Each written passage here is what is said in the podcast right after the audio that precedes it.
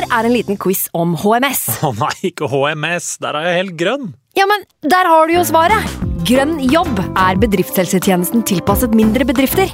Våre HMS-eksperter hjelper mer enn 8000 bedrifter over hele Norge med alt fra lovpålagte HMS-krav til pålegg fra Arbeidstilsynet. Få på plass bedriftshelsetjeneste på grønnjobb.no. Hallo? Jeg kommer fra Oslo politikammer. Ine Jansen er purk. Er du purk? The motherfucking bitch. Alt jeg vil, er å finne ut hva som skjedde med mannen min. Jon Carew. Er jeg sikta for noe? Iben Akeli. Det er du. Ole So, Lars Berrum og Big Daddy Karsten. Hvem sin side er du på, egentlig? Anette Hoff, Tone Danielsen, Kommer du fra Afrika? Jørnis Josef, Nesten. Kløfta. Trond Espen Seim, Det er synd å si det, men det var feil mann som døde. Purk. Premiere tirsdag på TV2 Play. I can't believe it. Football, bloody hell.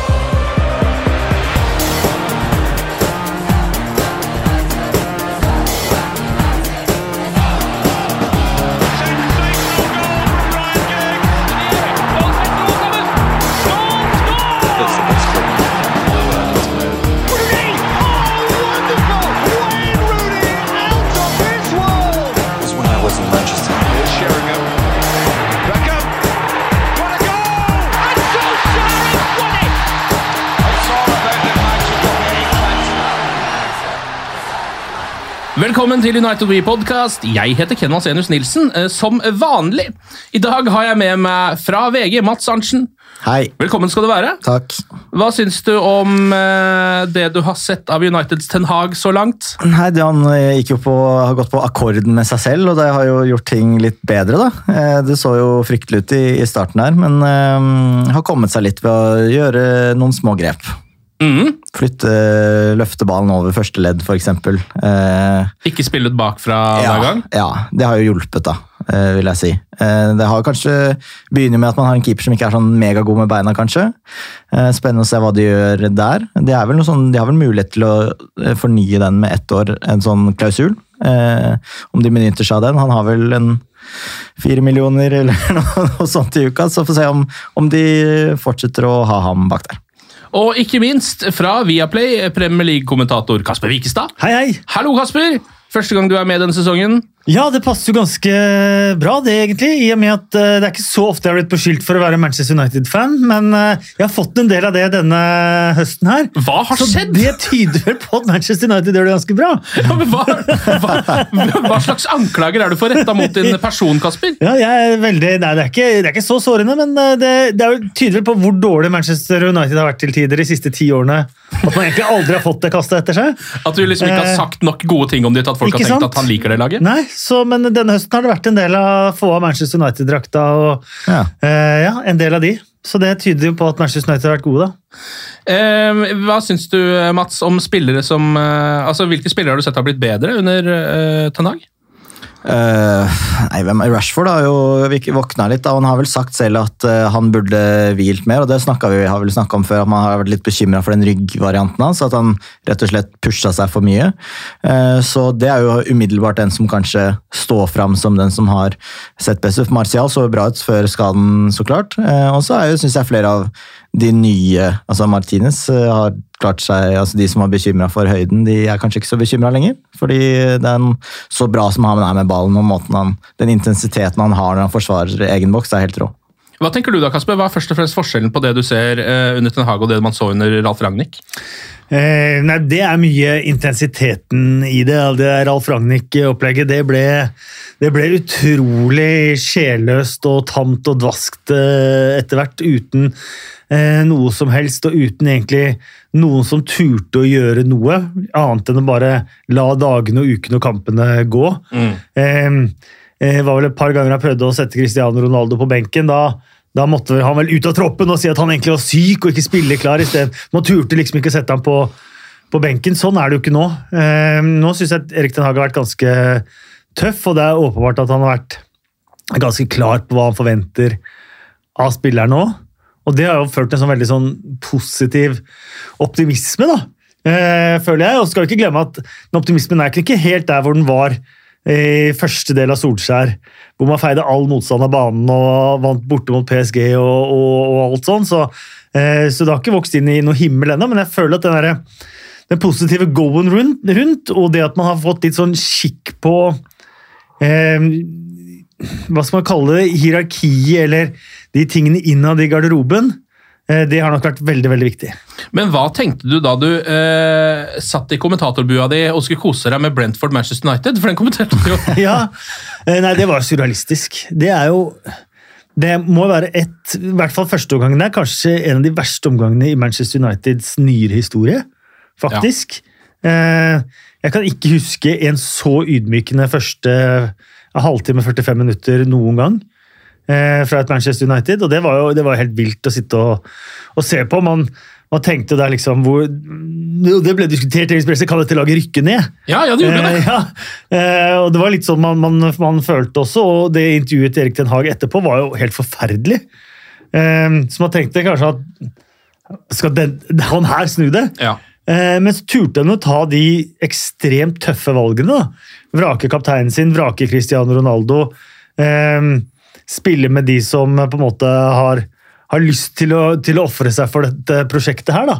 Og så de par endringene som, som, Mats nevnte også.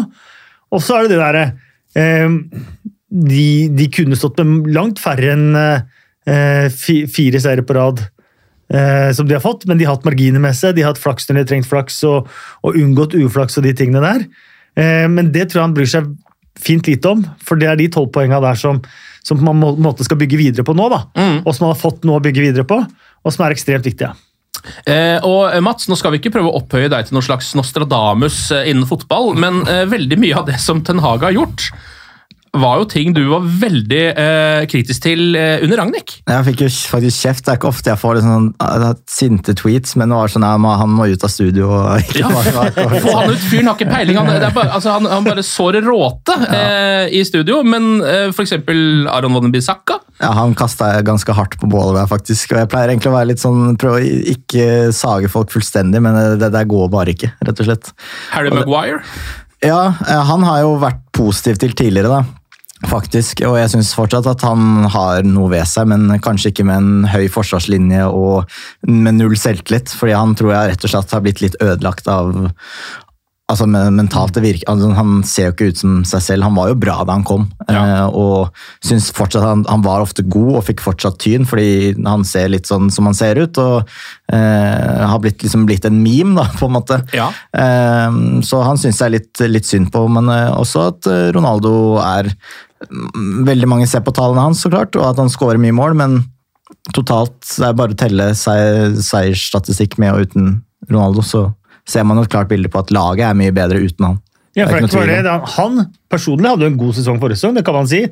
Men Manchester United fikk færre poeng. Manchester United skåra færre mål.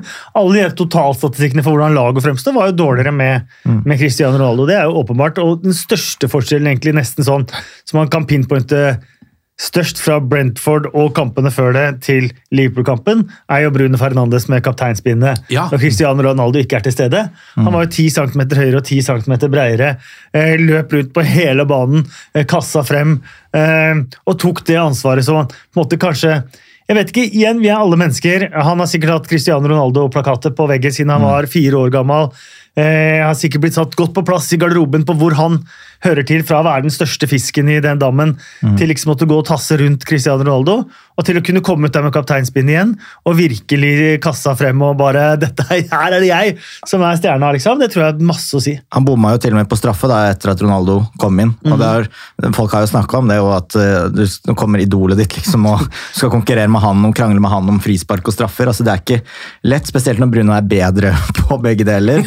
ja, han er egentlig det. så, så, så så det er jo en ting. Men, men for det andre også, altså at, at, Ronaldo forbedrer egne statistikker med at laget gjør det dårligere, er ikke noe nytt. og Det var et par av de tingene vi snakka om da sist òg, at Juventus han skåret jo måla sine, han, men laget gjorde det dårligere og dårligere. Så um, det er på en måte ikke noe nytt. da. Eh, det jeg også synes er litt spesielt med Bruno Fernandes, at jeg syns jo på en måte ikke egentlig at eh, hva skal man si, prestasjonen hans har jo dalt litt under, gjorde det under Ragnhild. Og så syns jeg de på en måte har fortsatt å gjøre det litt, gjør det litt under Ten Hag men han tar det på en måte igjen nå.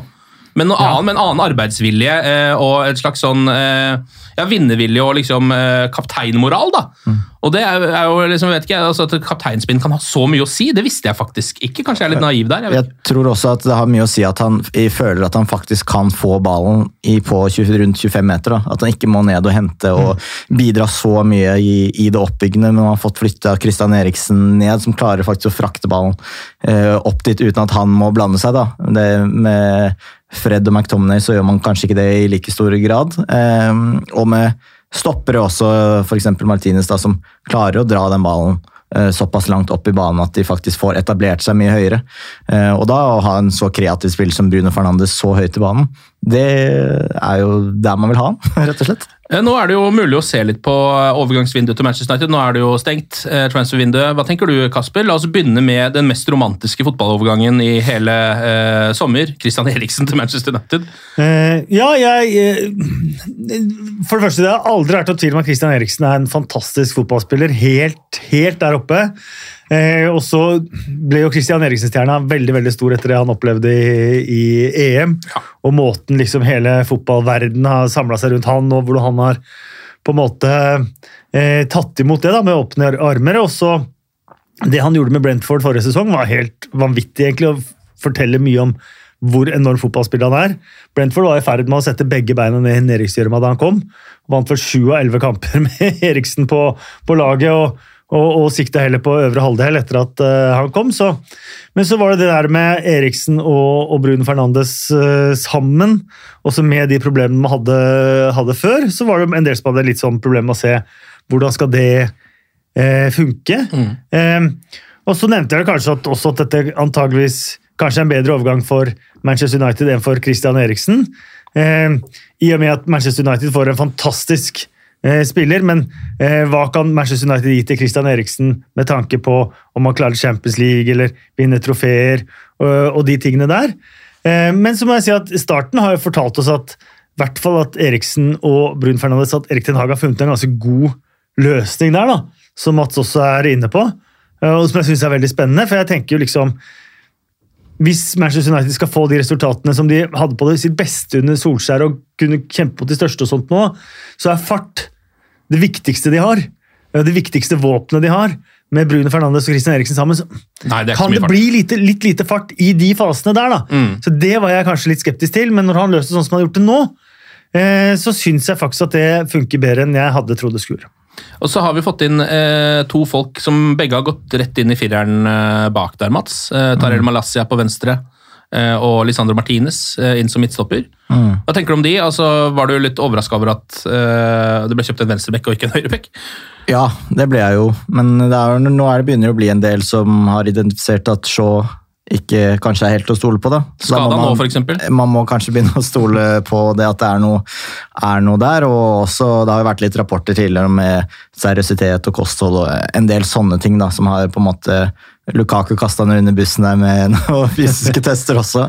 Eh, Så mm, det, jeg syns jo han har klart seg bra og er god defensivt mot en og med framover og alt. Så, men skulle gjerne sett en høyrebekk òg, ja. Det, Ja.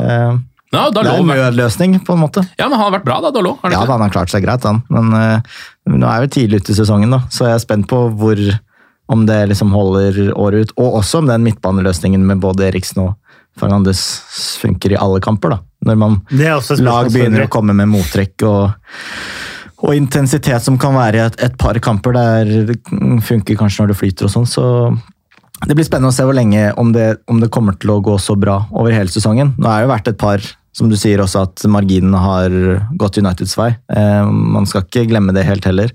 Også mot Arsenal, selv om de, de var bra. Eh, men hva tenkte du, Kasper, da det litt sånn brått ble klart at de hadde kjøpt eh, Casemiro?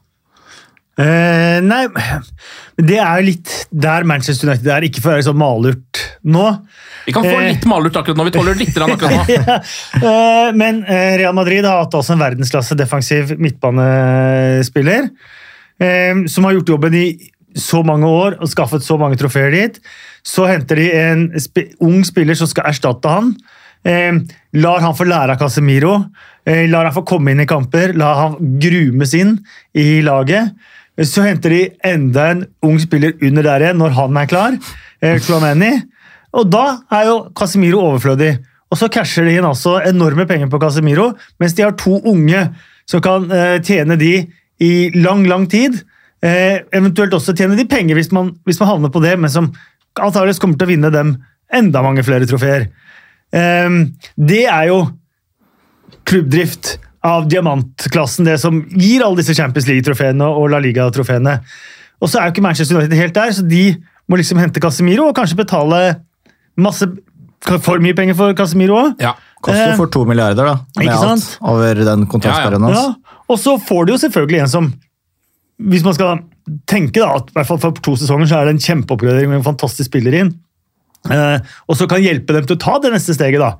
Og Det er nok kanskje det de har tenkt. Men så får man også kanskje ha tre-fire sesonger. En lønning man prøver å bli kvitt som man ikke klarer å bli kvitt. Det har man jo sett også tidligere. Men for en løsning per nå, så tror jeg det var en veldig, veldig god løsning. Eh, men så har han jo ikke sett Det ser ut som han har et lite stykke igjen til å venne seg til både Ten Hag og til, eh, og til engelsk fotball. Ja. Og det, Det er litt det overraskende for meg, faktisk. Litt overraskende. Ja, Jeg syns ikke han var spesielt god mot Sociedal, f.eks. Um, og det er en grunn til at Ten Hag setter Antony rett inn på laget. Og fortsatt, det er sånn, Antony vet hvordan jeg vil spille, det gjør ikke Casemiro. Vi fortsetter med McDominay. Mm. Um, hvor lenge kan det vare? Det var liksom sånn det startet med Van de Beek, og ingen sammenligning for øvrig! oi, oi, oi, ja. Men vi bare venta på at han skulle komme inn. liksom Han Ja. hadde noe inne opp i starten, og så ja, ja, men han spiller snart. Gikk på det venta, liksom. Men uten sammenligning for øvrig. Bare, så, bare for å ha sagt det, så ingen trekker dette ut av noen kontekst. altså. Men jeg er spent på hvor lenge det varer før eh, at Casemiro sitter på benken Ja. og McTominay spiller. ja. For det bør ikke vare sånn så mye lenger, tenker jeg da.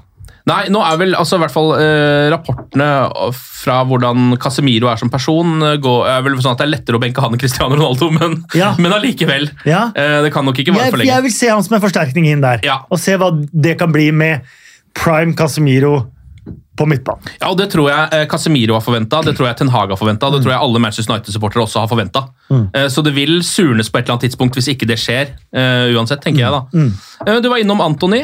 Eh, Hva tenker du av det lille man har sett av han eh, hittil? Eh, ja, For å klappe meg selv litt på skuldra, da, Ja. så dro jeg vel eh, Cristiano Ronaldo-sammenligning 40-60 sekunder på han før han scora. Ja. Og Cristiano Ronaldo reiste seg og approved på benken ja, ja. i reprisen. Ja. Da var jeg veldig fornøyd med kommenteringa mi.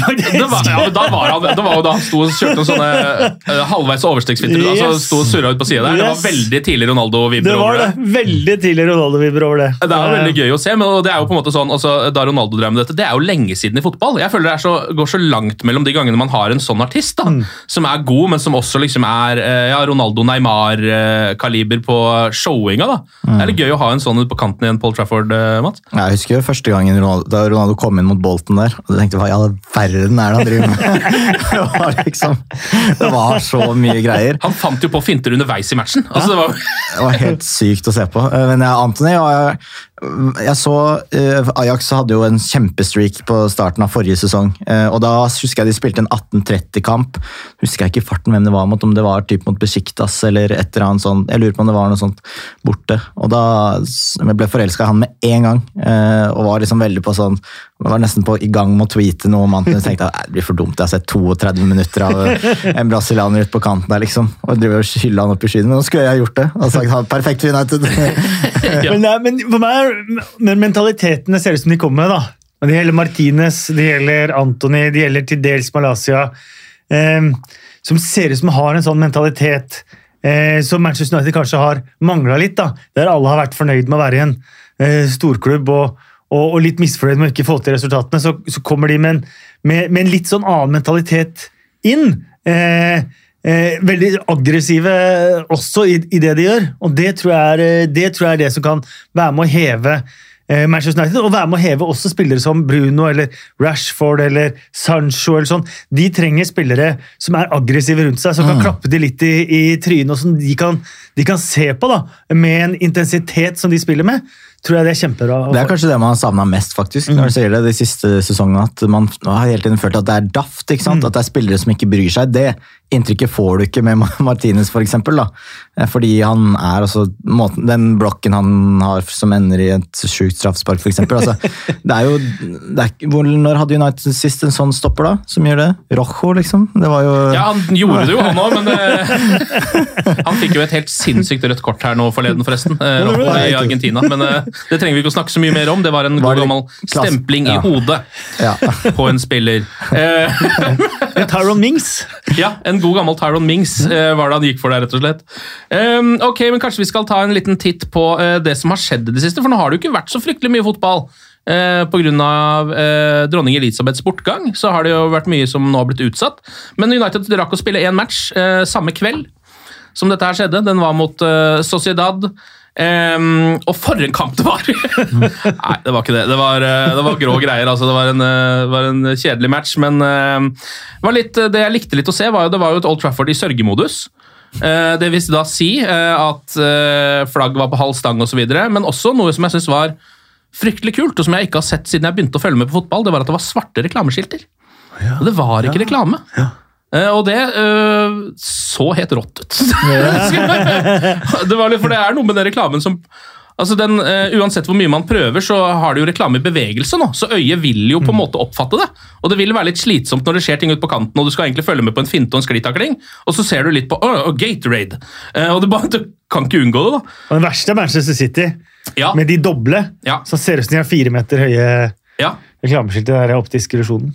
ja. Men tippekampene før så var det norske reklamer, stort sett. ja det var det. det. Ja, det var Bohus, og det var uh, Sølvkroken og det var Ja. liksom ganske, ganske sånn lokale, fine norske, norske reklamer på de engelske banene. Det var veldig morsomt. det er veldig spesielt at det var liksom så At du visste at her i Norge så er det så, så mye folk som ser på at vi må rett og slett ha norsk reklame. Ja, og i starten så var det jo sånn eh, Det var hemmelig hva som var tippekampen. Ja. Ja, eh, Så det sto bare på TV-sidene 'tippekamp'. Tippekamp. Og hvis du spurte noen i NRK ah, ah, ah, Det får du ikke vite. og, og det var litt for å unngå liksom, de tingene der. da. Eh, for TV, NRK var reklamefritt. Så NRK skulle boikotte engelsk fotball da det kom reklame på draktene, For, eksempel. for det kunne jo ikke de ha. Ehm, så da var man over på tysk en liten periode før man liksom Ok, da, vi kan godta det. Men eh, tippekampen det var helt hemmelig, så man ikke skulle ha eh, risikere å få norske reklamer. da. Oh, ja, var det det det var, ja? Ja. Det Sykt. er veldig spesielt. Eh, men eh, det som foregikk ute på matta, var jo ikke det helt store. Nei, det var ingenting å beklage, Kasper. Men apropos, Eh, ja. apropos med sørgemodus, det er det litt Altså, de avlyste på en måte kamp da, fordi at dronningen er død, men altså Danmark spilte ti, samtidig som Christian Eriksen drev og døde, liksom. Så måtte Ja. spillerne ut igjen. Ja. Hæ? Ja, det er Hvor sykt, sjukt er ikke det? Ja. Nei, det er veldig spesielt. Og Ja, det det er det de villeste avgjørelsene som er tatt i fotballen noensinne, at de måtte ut og spille fotball der igjen. Ja, faktisk. For de som ikke visste hva som skjedde. og Nei, De hadde var- jo klart å spille dagen etter når de visste at det gikk bra. Liksom. Ja. Nei, det var helt vilt sånn at de ble det og man så jo hvordan den kampen gikk også. Ja, ja. Eh, De tapte vel mot Finland der, gjorde de ikke det? Det var jo ingen der, ikke finskmennene, som var klare for å spille kamp etterpå der. Nei. Simon Det Skjær måtte ut, liksom. Ja, ja. Da, jeg skjønner jo det. Ja, det var, det var helt, helt merkelig. Eh, like merkelig er det jo ikke eh, nå med, eh, med dronningens dødsfall, men allikevel er det ganske mye debatter rundt det også. Og jeg bare lurer på, er de debattene på en måte litt sånn som meg, at jeg blir litt som en jeg blir litt sånn 14-årig igjen. at jeg bare sånn, Nei, men øh, Jeg vil at det skal være fotball nå! Eller er det, tror du det er bunna i noe reelt? Det syke er at hun er 96 år. Ja, Eh, Hun har sittet i tronen i 70 år. De har hatt tid til å planlegge en eventualitet at hun skulle gå bort. Alle avishus Eh. har jo allerede skrevet nekrologen ferdig. Så det går an å planlegge, ja. Selvfølgelig. Og så tenker man, Det har jeg alltid tenkt før, liksom at når folk over 40 eller som er i ledende stillinger eller voksne, eller hva man skal de, eh, de veit hva de driver med. Eh, Men så blir man så gammel sjøl, og det er ikke alle her som veit hva de driver med. Og man føler liksom at mye tas på sparket, da, ja. for å si det sånn. Um, både når det gjelder å starte kriger og eh, andre steder, eh, også eh, i Premier League. Eh, så, eh, så det at de er så uforberedt som de har vært på dette her, det syns jeg, er- jeg er overraskende, egentlig. ja. Det er litt merkelig. Altså, hvor betent er dette i Norge på en måte å snakke om altså, Det virker jo ikke som det er så betent i Storbritannia å snakke om det heller. De debatterer det jo ganske åpent der, føler jeg. Ja, ja, ja. Fordi. For det første så er det jo ikke alle som er like kongehuset i det hele tatt. Det er jo en ting. Eh, Men så er det jo også altså, Men man føler at det kanskje var litt av grunnen først. At de fikk litt hetta for at noen skulle begynne å bue ett minutts stillhet og, og sånt. Som jo allerede har skjedd, på en måte. Men ja. Absolutt, og det er jo deler av England som på en måte eh, har store problemer med eh, eh, etablissementet. Eh, er det er det heter, ja? Ja, ja, ja, ja. ja. Eh, i, i, I London og, og de tingene der, spesielt på Mercyside og sånn, har man forståelig nok store problemer med det. Det bues hver gang det er God Save the Queen, f.eks. God God Save the King nå. Mm. God Save the King nå, eh, i, i, i, i, i store kamper og sånt nå. Så sånn at det var de livredd for. Eh, så Og så for all annen idrett satte jo i gang. Ja. Ja. Men de avlyste altså til og med barnefotballen, liksom. ja, for det var bare fotball. Altså All rugby og tennis og alle andre ting. Alt. Cricket, alt går videre. Fotballen stopper helt Ja. opp på alle plan. da. På alle plan! Skulle, du- skulle, du- skulle du ut med niåringen din fordi de hadde kamp liksom mot skolen ved siden av? Så nei. Dronningen er død. Det er ikke noe fotball på deg. Det er veldig rart. Eh, og nå er det altså, Man har jo fått noen eh, årsaker her, da, som man jo kan velge å stole på noen av de. Sånn som United eh, mot Leeds er jo nå utsatt fordi det er et høyrisikooppgjør. Mm. eh, og fordi Det skal være, altså det er vel pga. begravelsen til dronningen vil jeg På tro det- på ja. mandag. Mm. Eh, og Da er det noe med politioppbudet som gjør at de kan ikke dekke alle disse stedene samtidig. Og det er mer forståelig. Det skjønner jeg. Men at alt bare skal dras over samme kam Første helga var nok en De forhasta seg kanskje litt. Ja, men jeg de- tror det ble litt sånn Hæ? Cricket? Skal de Nei! Amerikansk Nei! Rugby? Skal de også Nei! Nei, nei. Golf? Nei, fader! Nå har vi, ja, ja, vi har tatt surret oss opp. ja. Nå må vi bare stå i det. Altså. ja, øh... For de fikk jo avgjøre selv. Ja. Ja. Altså I den sesongen her òg, liksom, hvor tettpakka det er. For De kampene blir vel ikke spilt nå før etter VM, vil jeg tro. da. For Det er vel ikke plass til noen steder? Nei, det er ikke plass 24. Rundt 24. januar så jeg at Ja. det var den ene plassen som var. Men Ja. Manchester United får jo to. Ja. Så hvis de havner på andreplass i Europaligagruppa si, så må de spille to ekstra kamper mot en tredjeplass i Champions League, må det ikke det? Eh, Jo. Jo, dæven, det er det òg, ja. Eh, Eh, så ja, da vil jo de få problemer, for de, der kunne du hente noe nå som de får to kamper utsatt, men eh, de fikk jo ikke en god start med å vinne den gruppa da. Nei, nei, de gjorde jo ikke det, så da eh, Jeg, altså, tror, jeg tror liksom eh, eventuelle covid-tilfeller og sånn, de skal feies greit under teppet fra Premier League nå. Jeg tror ikke covid er ikke årsak Hvis noen, lenger. hvis noen hoster og harker nå, da får de Det er ikke noe snakk om noe testing da. Nei, nei, nei. De har slutta med tester. Det er ikke gyldig grunn lenger. Eh, nå må man bare spille det som er, for det er jo så tettpakka. Eh, United starter jo med et eh, litt annerledes lag mot Sociedad. Nå har de jo kjørt så å si det samme laget i en fire matcher på rad, vel? Eh, eller noe sånt. Eh, Anthony kom jo inn der og tok Elanga sin plass, men bortsett fra det så har det vært et ganske fast lag. Nå er Maguire tilbake på laget igjen mot Sociedad. Lindeløf er inne. Det er jo da for Martinez og Varan eh, på midtstopperplass. Fred starter, Casemiro får sin første fra start. eh, Det vil si at McTominay og Bruno Fernandes er på benken. Og så er det Langa, Anthony og Cristiano Ronaldo eh, på topp. Tanker om laget, eh, Mats? Nei, altså det funka dårligere, det, enn en, en, den andre varianten. Men eh, jeg vet ikke, Kasper, tenker du, Var det forståelig at det blir noen rotasjoner? når man skal eh, liksom... Ja, det må man. Ja. Det er åpenbart. Og så er det vel sånn at uh, han håpa vel på at eh, disse her har sikkert vært på han eh, kanskje, Et par av de kanskje til og med banka på døra og sagt eh, hvorfor får ikke jeg spille nå? Ja. Da får du spille nå. Ja. Eh, og så får du gi meg noen vanskeligheter til neste gang jeg skal ta ut laget. Mm. Det var det ingen som klarte. Det skjedde jo ikke. Nei. Det, var vel, eh, Det ble ganske lett å ta ut det neste laget igjen. ja, ja, det gjør det. Ja. Og at det skal være så altså det, ehm, er jo litt skummelt, det her, på en måte, fordi man følte jo at han fant laget sitt, og så begynte ting å gå litt veien. og han hadde fått liksom satt i gang en eller annen motivasjon hos de fleste av de elleve som da starta de matchene. Og så bare, men Nå er det jo ganske mange rotasjoner i den kampen, her, nok, men noen av de føler jeg er litt sånn trygge. altså Casemiro starter, det burde ikke liksom svekke laget. eh, på en måte. Ronaldo på topp, ja, kanskje, men allikevel, liksom. Ja. Eh, og så går det så dårlig, på en måte. Nei, men da er det jo enklere å benke Ronaldo neste gang, da. Så, Ja. Men de må jo rullere litt, og den gruppa der er jo De har vært heldige med gruppa, selv om Sheriff har vel klart noen bragder nå. Var det Real Madrid de Ja. Det var det. for ikke så lenge siden? Så eh, hvis de ikke klarer å komme seg videre fra den gruppa der, så kan de heller bare finne på noe annet, rett og slett. Så du er egentlig enig i at man må prøve litt andre folk? i Ja, ja, og de har jo, nå har de jo ikke så bred tropp som de har hatt før, da. eh, Med alt mulig rare greier. Eh, Nå er det jo Ja, Den er ikke så bred, men det er kanskje litt mer kvalitet i den, føler jeg likevel. Ja. vet. Men de skulle kanskje gått for det som var Ragnhild-planen. da. Niendeplassen. Mm. Det hadde vært fantastisk for Manchester United denne sesongen. Det hadde jo det. Slippe Europa. Det, det, hadde, det hadde jo det. Ja. Det er jo det verste. Um, Og da hadde man også kanskje slipt kamper som dette, for det er et eller annet med noen av de europakampene hvor det bare er Det er ikke Premier League. Jeg vet ikke hva som skjer, men det er bare intensiteten faller, og alt det er bare litt sånn ser bare litt rart ut. Det er litt sånn klassisk ta og føle på Europa-oppgjør. Det var jo også dette. Jeg har prøvd å skrive opp noen av sjansene som er i den kampen her, men det er egentlig ikke sjanser. Det er bare sånn uh, Først så er det 25 minutter ut i matchen. Her har jeg skrevet 'Antony slapt forsøk på å curle i lengste'. Og det er noe jeg har skrevet opp. Ja, for den gikk langt over. Langt Ja, over det var, ingen, det, var, ja. bare- det var ingenting. Nei. Eh, 35 minutter er det jo det nærmeste som er en uh, ordentlig mulighet for United i første omgang. Dalot med et veldig bra innlegg. Jeg syns han har liksom fått opp kvaliteten der litt. Han har liksom fått litt assists og litt farlige baller inn i feltet. Ronaldo nikker den via keeper og tverrligger i mål, men det er offside. God heading, skal sies. Ordentlig Cristiano-heading. Der er han jo god. Ja. Det er jo ingen som betviler avslutningsferdigheter og evne til å komme, nå ballen i boksen. da. Nei. Det, der er han rå, rett og slett. Og så har man da også den muligheten som her, fordi vanligvis så her ligger Dalot på en måte utenfor 16-meteren, men han ligger liksom ikke utpå uh, på krittet, han ligger liksom dypt i banen. Og det å slå de ballene da inn i feltet, det er ikke noe vits hvis ikke Ronaldo er der. Fordi hvis Rashford er der eller Martial, det er ikke noe vits å slå den engang, og da gjør de det heller ikke.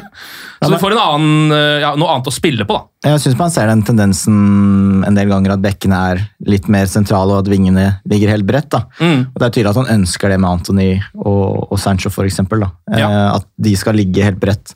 Litt sånn som Manchester City for eksempel, gjør noen ganger. da, og Det er jo viktig, sånn som Ten Hag sikkert vil spille på sikt, da, med å holde på ballen og ha mange spillere sentralt, og så ha breddealternativer i, på, på kantene. Så det, det blir spennende å se om hvordan de utvikler det videre. da, Og hvem som eventuelt kan bli den nye høyrebekken på sikt. For det blir ikke Dalot neste sesong, det tror jeg ikke. Selv om han har vært bra så langt. Ja. Eh, og så er det egentlig ikke så mye som skjer. Det er pause eh, etter, etter det annullerte målet der. Eh, jeg har bare notert at Christian Eriksen hadde en veldig god førsteomgang. Han var involvert i veldig mye. Var vel kanskje Uniteds beste spiller, men ble bytta ut til pause. Da kommer Bruno Fernandes inn. Høres vel egentlig også ut som en sånn Christian Eriksen har spilt nesten alt. Ja. Så bare hvile han litt. Grann. Ehm, og så um, ja, skjer det ikke så veldig mye mer. Martinez kommer inn for Dalot også, um, ved pause her. Og så eh, er Ronaldo frampå med luggen etter 45 minutter, etter et innlegg fra Bruno. Den går utenfor. Eh, 48 minutter, Ronaldo dunker ballen over fra 18 meter. Det er egentlig ikke så mye som skjer her. Eh, Sørloth har en stor mulighet for Sociedad etter 52 minutter, men nikker den også eh, over. Og så kommer da øyeblikket som avgjør matchen, da, etter 56 minutter. David Silva er innafor 16-meteren. Han skyter. Den blokkeres av Alessandro Martinez med hofta, og så spretter den opp i hånda hans. Eh, og dommer blåser med en gang. Kontant. Han er bare sånn 'dette er straffe'. Ehm, han gir også gult kort til Sandre Martinez, som ikke skjønner noen ting. Og så sitter man bare og ser man reprisen, og så venter man bare på at VAR skal gå inn og ordne opp på det, for det er vel en av de klarere hens-reglene. Selv om hens-reglene er veldig uklare, så er det en som jeg har fått med meg, og det er hvis den går via en kroppsdel eh, og opp i din egen hånd, så er det ikke et straffespark. Med mindre den er over skulderhøyde. Ja, er det det der, ja? Mm. ja. Det er, jeg lurer på om det ligger en liten definisjon der at VAR har tenkt, i og med at han lå vannrett Ja. Så det er den var- over skulderhøyde! Jeg vet ikke, men det, Ja, men i alle dager! Ja, men det er det eneste jeg kan, kan prøve, å- prøve å forstå, for det er en uforståelig avgjørelse at det blir straffespark. Ja. Helt uforståelig. Så man må jo prøve å tenke hva de har tenkt. da. Ja. Det er det eneste jeg kan se for meg, for jeg kan ikke se for meg at de ikke har sett at den var via kroppsdel. Det går ikke an å ikke se. Det ser alle. Alle ser det. Den, den skifter retning, så klart. Ellers så har de glemt regelen. Det er et alternativ. Mennesker, det her òg. Ja, ja. De fikk jo ikke med seg han der eh, Salernitana-spilleren mot Juventus der, som lå innafor. De Ja. kjørte offside og glemte en fyr Ja. som lå ute ved corneren. Det, var er jo helt utrolig. Det, der var, en, var jo en eneste lang VAR-parodi, den Juventus-Salernitana-matchen. Men nå glemmer dere at VAR fungerer superbra i Europa i europacupene, og det er bare Premier League den ikke fungerer. Det, er, det verste er det er jo, er jo noe mange sier. Ja, Så Eh, bare husk det. Gå og se den Juve-Salernitana-matchen, og, så- og så kan du bare Ja, fordi eh, det er, altså, nå begynner det å bli Jeg føler at jeg har hatt så mye tålmodighet med Varo. for meg så har det vært litt som liksom, å prøve å fostre opp et barn. Ja. Jeg vet at jeg kan gjøre masse feil, men til slutt skal det bli et bra menneske, har jeg tenkt. Ja. Men det ser ikke sånn ut nå. Du fikk rabagassen. du, Ja, det- altså. Jeg tror det, det, blir, det, altså, det her blir gata foran advokat på den, eh, den ungen her, ser det ut som. Det har gått en stund nå, på en måte. Ja. Man skulle tro at det ordna seg. Mm. Jeg vet ikke helt hva jeg syns om tjukke streker heller. Altså, Jeg synes Tjukke streker er bedre enn tynne streker, det må jeg Ja, med. Ja. Og så håper jeg at det kommer en teknologi der det tas på direkten. En sånn tut, offside. Litt Ja. sånn som Molde-teknologien. Ja, Da kan man leve med det også. Ja. For da vil man ikke liksom ha en million skåringer som man sitter og venter på etterpå. Men kjørte ikke noe sånn halvautomatisk? Det er halvautomatisk nå, ja. Ja, ja. Men likevel, den, den er såpass mye forsinka, den nå, at For det er jo det som er det verste med det. Jeg skjønner at man får en del med VAR, og så taper man en del med VAR. og så er det bare Hvilken pris er du villig til å betale? Den prisen vi har betalt nå, er jo spontanitet, da. Det er jo ekte glede. Det er en litt for dyr pris. Jeg syns det er altfor dyr pris. Jeg. Ja. Jeg, jeg hadde ikke en scoring etter Norwich av forrige sesong. Jeg turte liksom å juble før etter avspark. Ikke én. Nei. Som jeg kan komme på ved jeg bare Yes! Den 3-0-seieren borte mot Watford, som var liksom det største som skjedde forrige sesong, Ja. eh, så tok jo VAR vekk nesten hele, hele kampen. For alle tre målene var jeg sånn ah, Typisk det blir ikke mål. Ah, Ja. ah. Og så ser på reprisene så bare Jo, kanskje det er mål? Ja, nei, det var ikke det. nei. Ja, nei. Det er som å få straffe nå. Å Ja. få mål er som å få straffe. Det er sånn Yes, straffe. Og så er det sånn Yes, den satt. Ja. Eh, Ja. Istedenfor liksom eh, bare hengi seg i jubel. ja, det er helt riktig, det. Eh, og det Ja. Um, Men det var min var-rant igjen. Jeg beklager. Det kommer altfor ofte. Nei, men det, altså, det begynner jo å bli ja, smått håpløst nå. Når vi, når, man skjønner jo det når man sitter og på en måte snakker om uh, tykkelsen på streker. Ja. Så skjønner man hvor, hvor man har kommet opp i gjørma. Og det er enklere, og det er det, å akseptere feil fra en dommer som tar en avgjørelse der og da på tidele, enn å akseptere feil fra ti dommere som sitter med 20 skjermer eh, og 30 repriser og får fortsatt gjøre feil. Ja. Det er mye vanskeligere å akseptere at det blir gjort feil da. Det er helt riktig. Sånn som akkurat uh, den situasjonen her. Jeg kan skjønne at dommeren blåser hens. For det er vanskelig for han å se at den er via en kroppsdel. Og vi hadde vært rasende her sikkert i den podkasten da også. Ja, men vi hadde skjønt det. Ja! Eh, men nå skjønner jeg det Det er uforståelig. Så det er jo det som skjer. Man blir liksom matt, da. Man, blir sånn, man gir litt opp. Det er ikke like gøy, liksom. Det er ikke det. er Sånn, Nei. Og det er jo ikke dit man vil ha sine fotballsupportere. eh, over i den eh, Stakkars eliteserie nå. Ja. Jeg koser meg så med Eliteserien Championship, ja, og rett og slett jeg vet at mål er mål, og Ja. offside er offside, selv om det kan være feil. ja. Det varer jo ikke mye lenger, det. Eh, Det er ikke det. Så vi får se åssen det blir der, da. Eh, Og så og- tror man sorry, Bare kjør.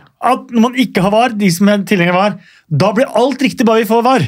Det var et par situasjoner mellom Kristiansund og Vålerenga. Og så var det ja, neste år. Da kommer han Kristiansund-spilleren til å få rødt kort, og han kommer til å få dit. Men det har vi sett. At det kommer ikke til å skje. Nei, det, Kanskje det blir tatt, kanskje ikke. det er egentlig bare det at det er flere dommere som alle kan gjøre feil. Ja. Eh, som surrer rundt utpå der. Eh, eller ikke utpå der, da noen er jo i bua, men uansett. Eh, Og, og det har vel vært nok, ja, hvis man nå er det sidespor, da, men eh, at, at hvis man ser på det i norsk fotball, at det har jo slitt eh, litt med, med dømming nå, kanskje, noen, og at bredden kanskje ikke er så stor på, på toppnivå, i hvert fall mange som har hevdet. Og da er det jo, det er jo, skal jo være ganske mange i, i aksjon da, for å fylle, fylle et VAR-rom og alt. Ja. Så kan Og du legge færre til et par. kameraer. Ja. så da får man eh, ti dårlige dommere istedenfor én. Eh, så får vi se hvordan det går. Og Eh, det skal sies at jeg syns dommere generelt nå er inne på Norge, er veldig veldig gode. Generelt. Veldig mye gode. Så lar man seg kanskje påvirke litt av at noen eh, mener mye om dommere, og kanskje har litt agenda mo- mot det, og vipper ting som er 50-50 i, eh, i en og annen retning som eh, passer vedkommende, f.eks. Ja, det er jo en evig konspirasjonsteori innen fotball, det som kommer til å leve til det er ferdig, tror jeg. Hva tenker, altså Hvilken følelse går gjennom deg når du ser Bryce Mendes gå opp for å ta straffe for Sociedad? Tenker du denne kommer David Hea til å redde som alltid? Har han redda et straffespark noensinne? Han hadde jo en liten han, han, periode han der. reddet to forrige sesong. Ja, gjorde han det? Ja, Ja, han kom det han redda, glemt, redda Ja, ja, ja. ingen, og så plutselig redda han. Plutselig var han straffeekspert, han. Ja, han tok to der. Ja, ja. men det er ok. Ja, jeg tror kanskje det er den Uh, Det var etter Europaligaen, vet du. Ja. Det er den som sitter i. Det er den som henger i. Han hadde vel 19 eller 20 på rad hvor han slapp inn. Ja. Men nå, nå, nå har han øvd. Nå har han øvd, ja. Eh, Her er det i hvert fall, har han for så vidt ikke kjangs heller, for straffa den blåses helt nede i hjørnet. Um, og da er det 1-0 til Sociedad, og det blir også sluttresultatet. United gjør noen bytter etter hvert. Uh, får inn eh, ja, Det mest spennende av de er vel egentlig å nevne at eh, Charlie McNeil kommer inn etter 83 minutter og får sin United-debut. Han er eh, 19 år gammel, akademispiller. Så det var jo i hvert fall en stor kveld for han og familien, eh, om ikke så veldig mange andre på Old Trafford, vil jeg tro. Eh, ok, Det som jo skjer etter en sånn match, eh, er jo at veldig mange går ut på eh, sosiale medier. Og så legger de ut en viss statistikk, for man ser at Harry Maguire spiller alle kampene som Manchester United taper. Han spiller en helt ålreit kamp, da. I denne, altså sånn, så vidt det lar seg gjøre i en kamp du taper. Uh, hele det, Altså Jeg vet ikke hvor vi skal begynne. jeg. Uh, Kasper, hva, hva tenker du om altså sånn, uh, problemet Harry Maguire i Manchester United som det har blitt? Ja, Man har jo statistikk, statistikk Nei, løgn, forbanna løgn. og statistikk, er det det heter? Ja. Mm. men, eh, for jeg tror, jeg tror Hvis du ser statistikken mellom, med han og Varan forrige sesong, så tror jeg de har det beste færrest mål innsluppende av stoppeparene fra Manchester United forrige sesong, hvis jeg ikke tar helt feil. ja, det kan stemme, det. Eh, så det er jo også en statistikk. Ja. Eh, men eh, Mats har sagt det allerede, det, han er prega. Rett og slett prega, det, og det ser man med en gang. Det ser man når han får spille fra start, eller om han får korte innhopp, eller, eller når enn han kommer. Han er, han er prega av det som har skjedd, og det, det, det skjønner jeg godt. Det er, det er 100 millioner på nakken hans worldwide, liksom. Hver gang eh, navnet hans bare dukker opp. Eh, og vi kan snakke om at eh, ja, jeg sa noe i denne podkasten, eller jeg sa noe der jeg kommenterte, og fire stykker på Twitter eh, reagerte, liksom. Og, og, og, man, og man kan synes det ah. eh, Og så kan man tenke seg hvordan, eh, hvordan han har det. Ja. Eh, og vi er mennesker, og hvis man ikke lar seg påvirke av det, det tror jeg nesten er umulig. Mm. Eh, og det syns jeg har vært urettferdig overfor Maguire også. Veldig mye, også pga. mye av det Mats eh, Mats sa. Eh, han bestemmer ikke sin egen prislapp. Han kom inn og var eh, bra. Eh, han st har stort sett stått ganske rakrygga i intervjuer når andre har eh, gjemt seg bort i garderoben. Eh, alle de tingene der, da. Men, men nå ser han prega ut når han, når han spiller, og det Sånn er det. Mm. Det er jo ikke bare han som har en eller sånn, Han har jo en ålreit kamp, for så vidt, så vi skal ikke skylde så mye på han for dette. Cristiano Ronaldo spiller jo en middels match. Eh, får en del sjanser, som han eller ikke så veldig store, men som han kanskje burde ha skåret på. Ellers litt sånn delvis usynlig og mister litt mye ball. og ja, Litt sånn som han har vært i det siste. Eh, og så har Fred også en veldig svak kamp, syns jeg. Han uh, ligger litt høyere på banen enn han er vant til, tror jeg. Jeg vet ikke helt hva som er tanken der, at han skal presse litt, eller noe sånt sikkert. Uh, men det Men de har sånn tanker om at han skal være litt, litt mer skapende. og litt Han skal mer, være brasilianer. Mer, Han skal være litt mer brasilianer, ja. Ja. Så skåra vel fire mål Ja. i Premier League forrige sesong, var det ikke det? da? Jo. Det var også litt sånn Ja. Ja. Så jeg, jeg, jeg tror man håper liksom å se, se hans indre brasilianer litt. Ja, og jeg føler man, Da krever man kanskje litt for mye av Fred. Ja, man kanskje det. Eh, De finner jo liksom ikke rollen hans, da. Nei. Hva er det han er? Anker? Indreløper? En av to? Altså ja. uh, Men City vil jo ha han. Jeg tror han hadde, Da hadde han vel vært Rodry, da, på en måte. Og ja, kanskje han hadde det. Det der City-greiene Hver gang jeg føler City, det tror jeg bare har vært for å United. Hver gang. Det var i hvert fall det med Alexis Sanchez. Ronaldo, Alexis Sanchez, Fred Hvis vi skal ha han Ja, fader, mista vi han. Det var dumt. De har lurt oss, opp i stry mange ganger nå. Um, ok, Som nevnt så er da kampene mot Palace og Leeds utsatt. Um, og så kan vi ta noen eh, rykter, da. Dette her er litt sånn eh, retrospekt-rykter, for det er jo ikke mulig å eh, kjøpe spillere akkurat nå. Men nå har det da um, kommet ut, og dette her er da fra, fra Fabrizio Romano, den store overgangsguden på Twitter. Å, fy da. Ikke bruk overgangsgu, overgangsguru. Jeg er så lei av det ordet. Jeg sa gud. Ja, men det er nesten like ille. Det er verre, egentlig. Ja. Maestro. Ja, overgangsmaestro eh, på Twitter. Eh, at United har sagt nei til å hente følgende spillere i overgangsvinduet. Det ble jo kasta spillere etter Manchester United der på et tidspunkt. Skal visstnok ha vært oppe i hele 15 spillere som de ble tilbudt. Og Blant de så har vi da Memphis Depay, eh, Christian Pulisic, Leandro Paredes, Weston McKennie og Irving Lozano. Eh, Som de da sa nei til, takka nei til samtlige. Kanskje, ja, takka nei selv, jeg tror. jeg. ja, kanskje like greit. Depay er jo prøvd. Han er prøvd, ja! Eh, han er absolutt prøvd. Ja. Så har han vel kanskje, altså Noen mener han har blitt bedre etter det. Jeg vet ikke helt, ja, for han er jo sånn, han skifter jo klubb hele tida. Ja. Pa- Spania passer han kanskje litt bedre, eller? Lurer jeg på. Ja, kanskje. At, eh, og måten Barcelona spiller på litt sånne ting. Nå har han vel endt opp i Juventus eller noe sånt? har han ikke? Jeg tror det han Jo, han dro fra Barca. Ja, han gjorde det. Eh, og Cristiano Ronaldo, vi kan ta den også. Han har jo et tilbud fra Saudi-Arabia som har dukka opp nå. Det skal da ha hatt en, eh, en årslønn på 211 millioner pund. ja. ja. 2,5 milliarder i året. Det, Decent pay. ja, det er rett over det vi har i Viaplay, faktisk. ja. Uh, og han tok jo ikke det, tydeligvis, da, men det tilbudet står ved lag, uh, sies det. Så kanskje i januar. Saudi-Arabia på Ja, har de overgangsvindu i Saudi-Arabia? Nei, jeg vet ikke. Jeg er Nei. usikker. Kanskje, Man kan ta når som helst. det. ja, kan bare gjøre det når som helst. Ja. Lurer, jeg lurer på det, jeg er ikke 100 Nei. Nei, det kan, kan sikkert Det stemme. er i hvert fall ut, det er som Kina for eksempel, strekker seg ofte veldig utapå europeiske, i hvert fall. Det er jo veldig lurt, sånn sett, for da kan man jo snappe en del spillere. Eh, Ja. Hvis man tenker på den måten, så kan godt hende det stemmer. Ja, det er, ja, Men så er vel dette kanskje Fifa-regulert, tenkte jeg på. da. Mm. når Saudi-Arabia er vel en del av Fifa. Så. Det er jo problemet i Norge hele tida at eh, lag skal kjøpe 1. juli, så får ikke Norge kjøpe før 1. august. Ja, Sånn. det er litt smell, da. Ja. Eh, Neste kamp er da nå på torsdag, eh, kvart på sju. Tidligkampen i Europaliga, eh, borte mot FC Sheriff fra Tiraspol i Moldova, men de skal spille i Chisinau, har vi funnet ut. Ja, De skal ikke spille i Tiraspol. Nei. Der er det ikke trygt å være. Nei. Eh, men eh, var det i forbindelse med Champions League forrige sesong at Dagens Næringsliv hadde en sånn tolvsider om Sheriff eh, Tiraspol? Så vet ikke om den ligger på nettet, men den var helt fantastisk.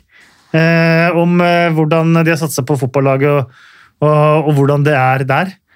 Eh, Ja, så den kan anbefales. Hvis, hvis, Dagens Næringsliv har lagt den på nettet, så anbefaler jeg altså også google seg fram til den og Det er vel en del penger der, er det ikke det? Mye penger! Ja, det er det. vi eh, har jo dette... Det er liksom Hvor kommer pengene fra òg? Ja, det er et spørsmål. Ikke spør om det. Da, da har du plutselig en rød prikk i panna, og det vil du ikke vil du ikke ha.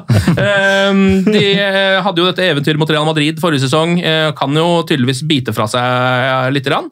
Nå ligger jo United bakpå i gruppa, så de må jo egentlig vinne den her hvis man har tanker om å avansere fra Europaliga og i tillegg kunne hvile noen spillere. Den klarer tredjeplassen, Eh, Ja, og da kom han inn i conference. Ja. det hadde vært noe. Ja, og Den er det bare Mourinho som vunnet. vet du. Ja, det er sant. det hadde vært noe å komme inn der. Og så Etter det så er det jo da landslagspause, og så er det ikke kamp igjen før Manchester City borte plutselig, 2. oktober. Ja. Jeg kunne liksom tenkt meg noen Premier League-kamper før den kampen, kjenner jeg. Shit, ja, det er lenge. Det er lenge. Tungt for United når de har vært inne i en litt sånn winning streak nå. Da. Så hadde man kanskje to kamper som så fine ut på papiret også. Leeds pleier å passe United bra. Mm. Um, Og Palace trener, kan jo være vanskelig, men ja. Ja, uh, men jeg syns Palace har variert litt. Også fra, jeg synes vi ble veldig overraska over det de gjorde forrige sesong, og hvor bra de så ut. Eh, og ble, fikk egentlig nesten litt dårlig betalt til slutt, i Mm. antall poeng, syns jeg. Så, og Saha ser jo plutselig god ut. Altså, han er ikke, han er i farligere områder og skårer mer mål, da. Tenk om Manchester United hadde hatt han Ja, siden 2014, eller når det var. Ja, det kan du si. Eh, så nei ehm, eh, Jeg tror det er litt seigt for de nå at de misser de to matchene nå. Mm. Men samtidig, få mer tid da, på å jobbe da, med det Ten Hag Det kan jo hende at det er en fordel òg at eh, når de skal jobbe med så mye prinsipper, for det er ikke mye tid til trening når det er så mye kamper. Så det, det kan jo være en fordel. da. At de faktisk får litt tid til å Ja. øve inn litt prinsipper. da. Så tidlig et prosjekt så kan det godt hende at eh, tida på trening er vel så mye verdt tida på banen. Jeg vet ikke. Eh, Jeg tror i hvert fall flere, og det er kanskje klubber som Liverpool og sånn, mest trengte liten fot i bakken. Mm. Og for, for, for ta, ta det som positiv ting, da. Mm. Uh, Mens United var jo i en flow, på en måte, selv om de tapte mot Sociedad. da. Absolutt. Men uh, også de kanskje det, det, er så, det kommer til å være så tett med kampene. Man får bare ta de dagene man kan være sammen og, og prate sammen og trene litt sammen. Og bare dyrke det. Ja, nå er dette en United-pod, men da, det settes kanskje pris på å påpeke det, men det Trent Alexander Arnold har gjort denne sesongen her, altså det er mot Napoli der, det, du tror nesten ikke det du ser. Er det mulig? Hæ? Ja. Har du sett det i klipp? Altså, hva? hva? Ja, jeg så kampen. Ja, De trenger definitivt en fot i bakken og, og samles. Og, og jeg er veldig spent på ja, nå, Dette er Manchester United på Champions League den midtuka her når de skal bli Salzburg hjemme, tror jeg. Men dette her, det er veldig deilig, for nå har Liverpool tatt over United-spotten. Det er helt nydelig. for Nå er det Liverpool det går litt dritt med. Ja. Og av, et, av en eller annen grunn så trekkes alle fotballsupportere, uansett hvilket lag de heier på, mot å slenge litt dritt om Liverpool. Så det, det, Den spotten har United hatt så lenge nå at det er faktisk positivt at Liverpool blir nevnt i denne Manchester United-podkasten. Salah er jo ferdig, han. Ja, han er ferdig, ja! Men aldri, altså, det er ikke noe å tenke på engang. Han er helt, Trent er ferdig, og han er helt død. De trenger en pausen her nå. Jeg tror det blir bra, og spesielt etter, eh, etter eh, Qatar. da. Tenk deg Salah og Haaland etter Mm. først tre uker på stranda, og så trene seg opp liksom, uten liksom noe. City vinner jo ligaen med 20 poeng i år, de. Det ser jo sånn Ja, ut. det er trist hvis det blir sånn. Det ser jo dessverre sånn ut. Uh, United har noen skader, kan nevne de på tampen her. Uh, Shaw er tilbake i trening, men sikkert ikke tilbake på banen med det første. Donny van de Beek trente ikke nå på mandag. Uh, Wambisaka var i troppen mot Sociedad, men satt på tribunen. ja, det, der er det noen personlige grunner. Jeg vet ikke hva det er, Ikke heller. eh, men det, jeg tror ikke han er skada. Det er noe sånt noe som har skjedd der. Eh, Martial var ikke på trening, eh, og heller ikke Marcus Rashford. Nei. Så de kommer i hvert fall ikke til å spille mot uh, Sheriff nå. vil jeg, ja, De kommer jo ikke til å gjøre det. Hvis ikke de trente på mandag, så er det vel ikke så mye grunn til å spille på torsdag. Men geografisk, det er ikke så lang flytur, selv om det høres ut som lang flytur til Moldova. Er det fire-fem timer i lufta fra Heathrow? Det er vel, Sånn, ligger vel en klemt inne mellom Ukraina og Romania et sted, gjør det ikke det? Moldova? Ja, det er der, ja. Jeg tror det. Ja, kanskje det er der, kanskje enda lenger. Så det er et lite stykke. Jeg trodde det var nedover mot Aserbajdsjan. Ja, nei, jeg tror det er Armenia sånn? landlocked uh, Ja. lite land. Så- ikke dobbeltlandlocked, for det er det kun to land i verden som er. Hvilke er det, da? Mats? Liechtenstein og Usbekistan. Dæven. Mats og Kasper, tusen takk for praten. Vi snakkes igjen, vi. Og glory, glory.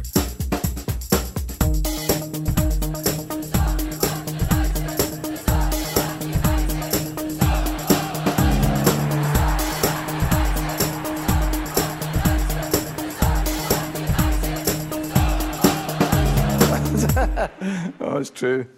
I've seen many things. Moderne media. Ukens annonsør det er matkasseleverandøren Hello Fresh. Der kan du velge mellom 25 ulike oppskrifter hver uke, eller få Hello Fresh til å sette sammen en meny for deg.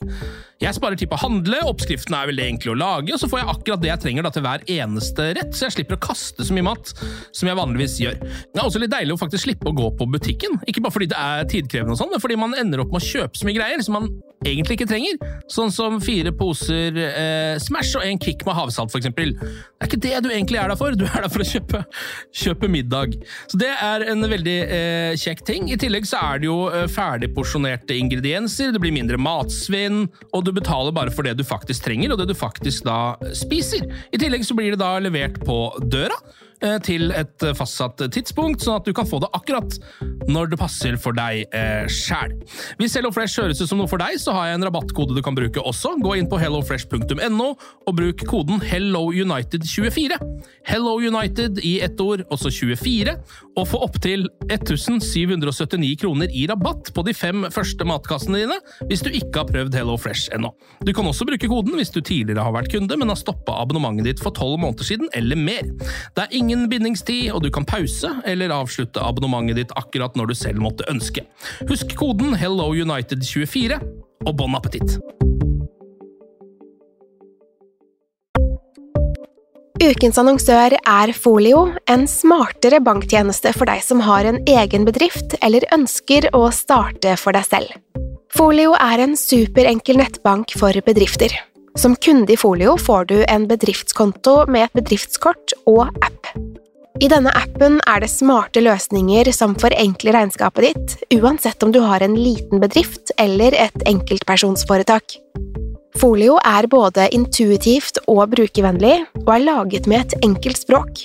I tillegg tilbyr de forutsigbare priser og ingen skjulte gebyrer. Skulle du likevel trenge det, så kan du snakke med deres raske og hyggelige kundeservice, og der får du prate med en faktisk person og ikke en chatbot. Folio er med andre ord både enklere og koseligere enn banken. Over 10 000 bedrifter har allerede valgt Folio som sin banktjeneste, så besøk folio.no og se hvordan Folio kan forenkle din hverdag også. Har du et enkeltpersonforetak eller en liten bedrift? Da er du sikkert lei av å høre meg snakke om hvor enkelt det er med kvitteringer og bilag i fiken, så vi eh, gir oss her, vi. Fordi vi liker enkelt. Fiken superenkelt regnskap.